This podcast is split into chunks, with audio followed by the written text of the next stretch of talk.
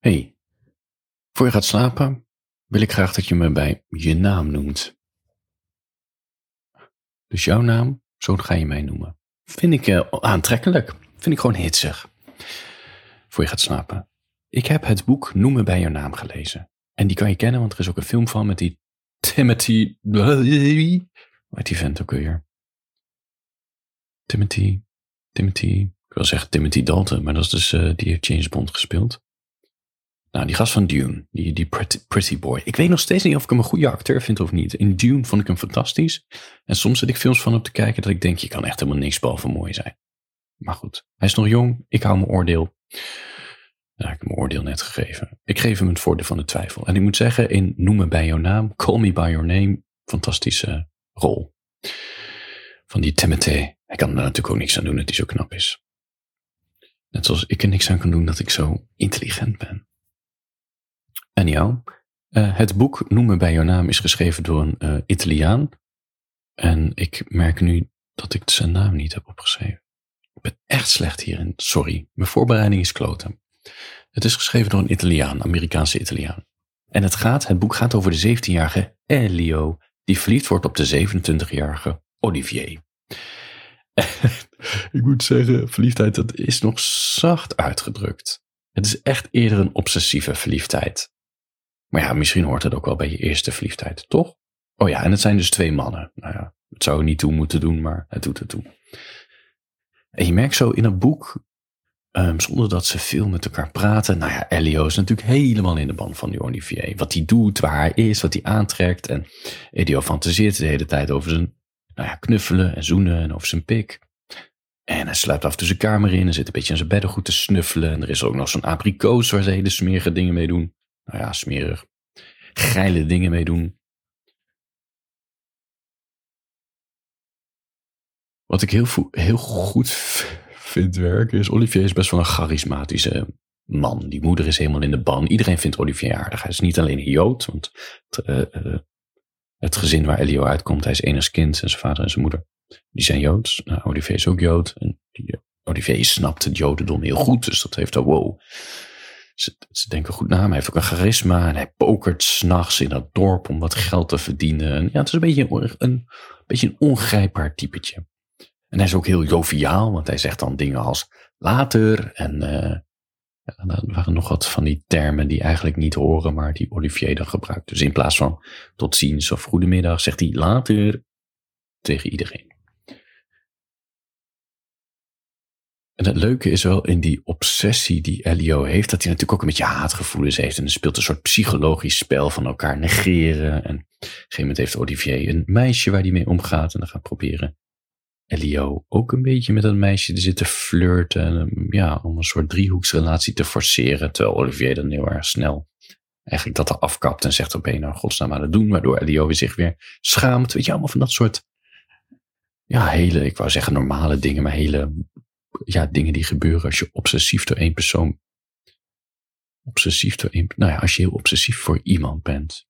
En helemaal zo wonen natuurlijk in hetzelfde huis. Tijdelijk. Of in ieder geval Olivier is daar in de zomer. Um, als vakantieverblijf om.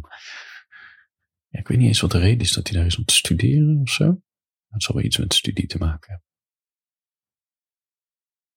Ja, en je merkt natuurlijk wel tussen die twee, Elio en Olivier, dat het broeit natuurlijk. En er is een seksuele spanning. En uiteindelijk komen ze er ook vooruit. Dan gaan ze lekker een beetje zoenen. En een beetje seksen.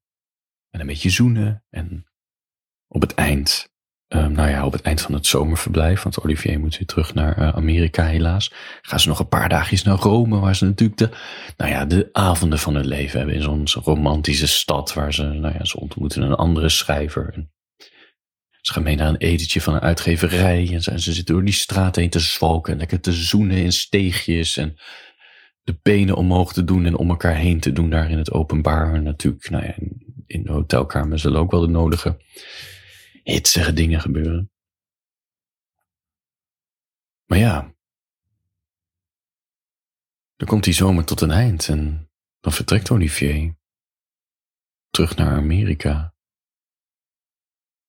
En een, ik weet niet eens, een jaar later misschien, of een half jaar later, belt hij weer, volgens mij met kerst belt hij weer terug. En dan blijkt hij ondertussen een vriendinnetje te hebben. En ja, Elio komt tot steeds meer besef dat, dat, dat deze liefde, deze mooie romance, hè, wat er is gebeurd, dat het, dat het hierbij blijft.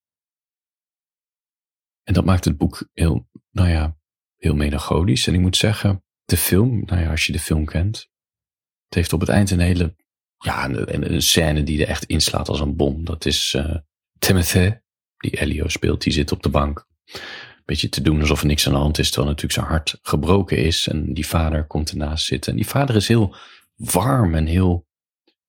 Kijk, normaal zo Hollywoodfilms altijd ouders die het gedrag afkeuren van de kinderen. En ja, dat, dat, dat versterkt altijd de eenzaamheid van het hoofdpersonage. Maar hier zien we een verhaal. Nou ja, het, het personage lijdt wel alleen. Want het is natuurlijk toch homoseksuele gevoelens. De eerste verliefdheid is ook wel gek om te delen. Terwijl tegelijkertijd moet ik zeggen, in het boek, je merkt wel dat ze uit een heel, een heel open gezin komen.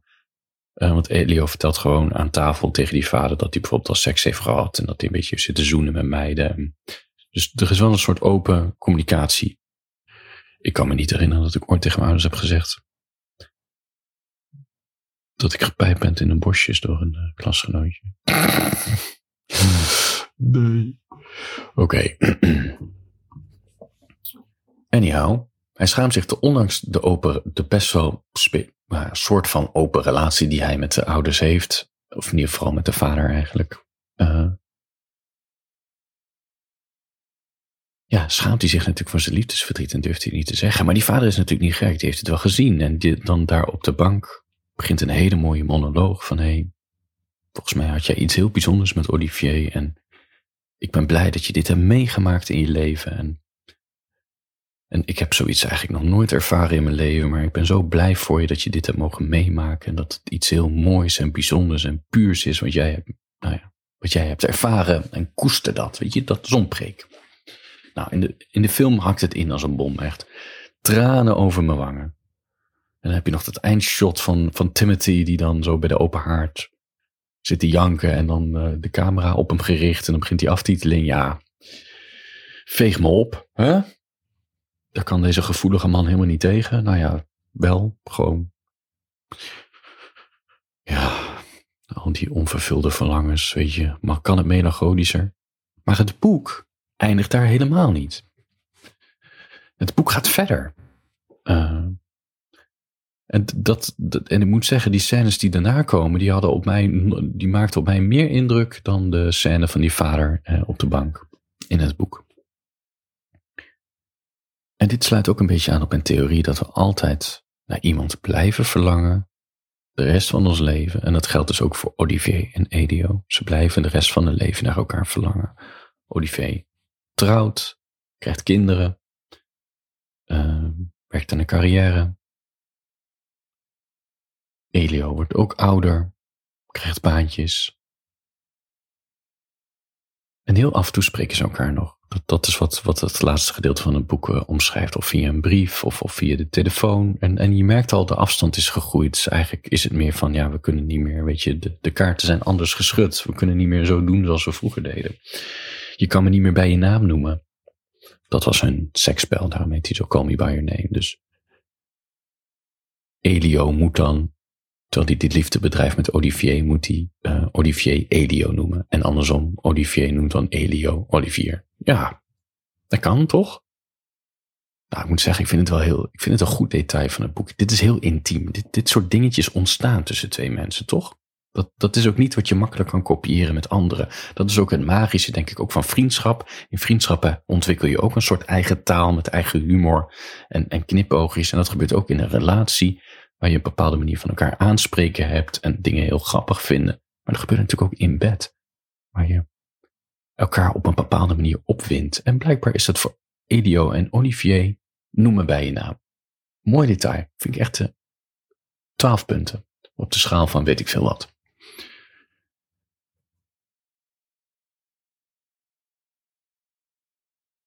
ze ontmoeten elkaar nog een aantal keer of spreken elkaar, maar ze houden ook beide de boot af. Olivier zegt, kom naar mijn huis, kom, ontmoet mijn kinderen. En EDO die weigert dat soort dingen. Want ja, hij, wil eigenlijk de pijn die hij voelt, wil hij niet groter maken. Hij heeft het idee, als ik daar binnen dat huis stap, wordt het alleen maar groter. En dan eindigt het boek, um, soort van, dat ze eindelijk, ze komen elkaar weer tegen. Of nou ja, Elio uh, bezoekt Olivier, die dan in Italië is, volgens mij. Ik heb het niet helemaal goed onthouden. En ze besluiten samen te gaan eten in een restaurant. En daar hebben ze het over wat hun twintig jaar eerder was overkomen. En het is zo mooi dat gesprek waar ze, waar je merkt van ja, ze denken er nog heel veel aan beide. Ze kijken er met heel veel warmte naar terug. Maar ja, het geeft ook een soort pijn, een melancholische pijn. En, en ze zeggen ook dingen van, nou ja, ik vind het ook weer, dat we maken een soort mythevorming van die ander. Van nou ja, als ik dan over denk, als ik dan doodga, nou als ik dan nog één persoon aan mijn bed zou willen, dan ben jij dat. Dat soort dingen zeggen ze. Dat is natuurlijk allemaal mythe en ze, ze blazen het enorm op. Dat is ook wat de liefde moet zijn. Je blaast het op tot enorme proporties. Maar dat, ja, het is zo puur. En zo duidelijk waar die theorie van Lacan, waar ik het ook in eerdere in slaafvalberichten over heb gehad, dat, dat we altijd blijven verlangen naar iemand. En dat dat verlangen onvervuld blijft. En ja, dat het ook als een soort spel voelt in ons hoofd. En het doet misschien ook pijn, maar het geeft ook heel veel warmte, denk ik. En ook ja, allemaal wat als scenario's als Edio en Olivier wel aan hun liefde voor elkaar hadden toegegeven, hoe het leven dan zou lopen. Maar ik durf dus te wedden als ze hadden toegegeven aan elkaars liefde. Hadden ze elkaar gevonden, misschien was na tien jaar de relatie gestrand. En dan waren ze verder gegaan met het leven, wat ook oké is. Maar nu zullen ze voor altijd in elkaars hoofden warmte en verlangens koesteren voor elkaar. En dat kwam zo mooi in die, een van die laatste scènes in het boek naar voren. Ja, het maakte op mij meer indruk dan in het boek de scène tussen vader en zoon. Ja. Ja, echt pure melancholie.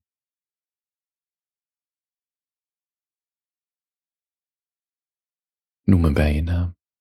Ik ga toch even die schrijver opzoeken voor je, want het is uh, oneerlijk naar de schrijver. Het zou ook heel gek zijn als iemand zegt, sombere hit schrijft, wat een boek. Ik geen idee wie het geschreven heeft, maar wat een boek, dat wil je toch. Ik wil gewoon dat ze me bij mijn naam noemen. Hè? Het boek is geschreven door André Natsiman. En als je ontroerd was door de film en een tijdje geleden de film hebt gezien, ga het boek lezen. Het is echt het is een leuk, mooi, ontroerend boek met een fantastisch uh, einde.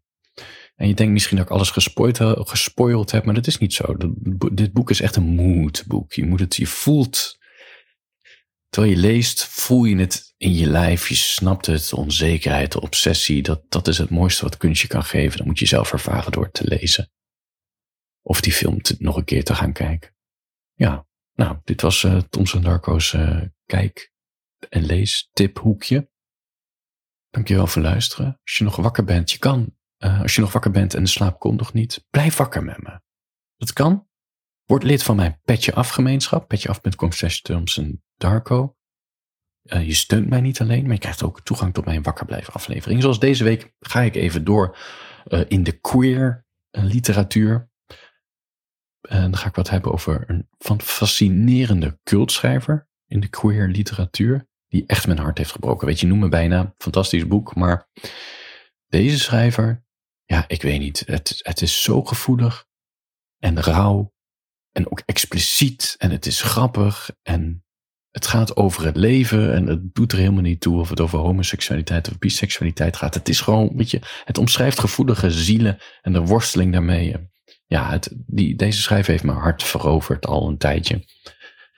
En daar, daar wil ik graag een, eh, een kaarsje voor opsteken. Het klinkt wel heel alsof hij dood is. Hij is niet dood. Daar wil ik graag een, kleine ode voor doen en vertellen wat hij mij heeft geleerd. Dat doen we bij de Wakkerblijf aflevering. Petjeaf.com Steun me. Je krijgt sowieso afleveringen eerder te horen in je oor. En je krijgt toegang tot mijn Wakkerblijf afleveringen. En je krijgt vier dagen in de week elke ochtend een klein tekstje van me in je mailbox. Gewoon waar je lekker de dag prikkelend, prikkelend, ik zei niet optimistisch, maar prikkelend begint. Wie wil dat nou niet? Ik zou het wel weten. Handjes boven de dekens. Slaap lekker.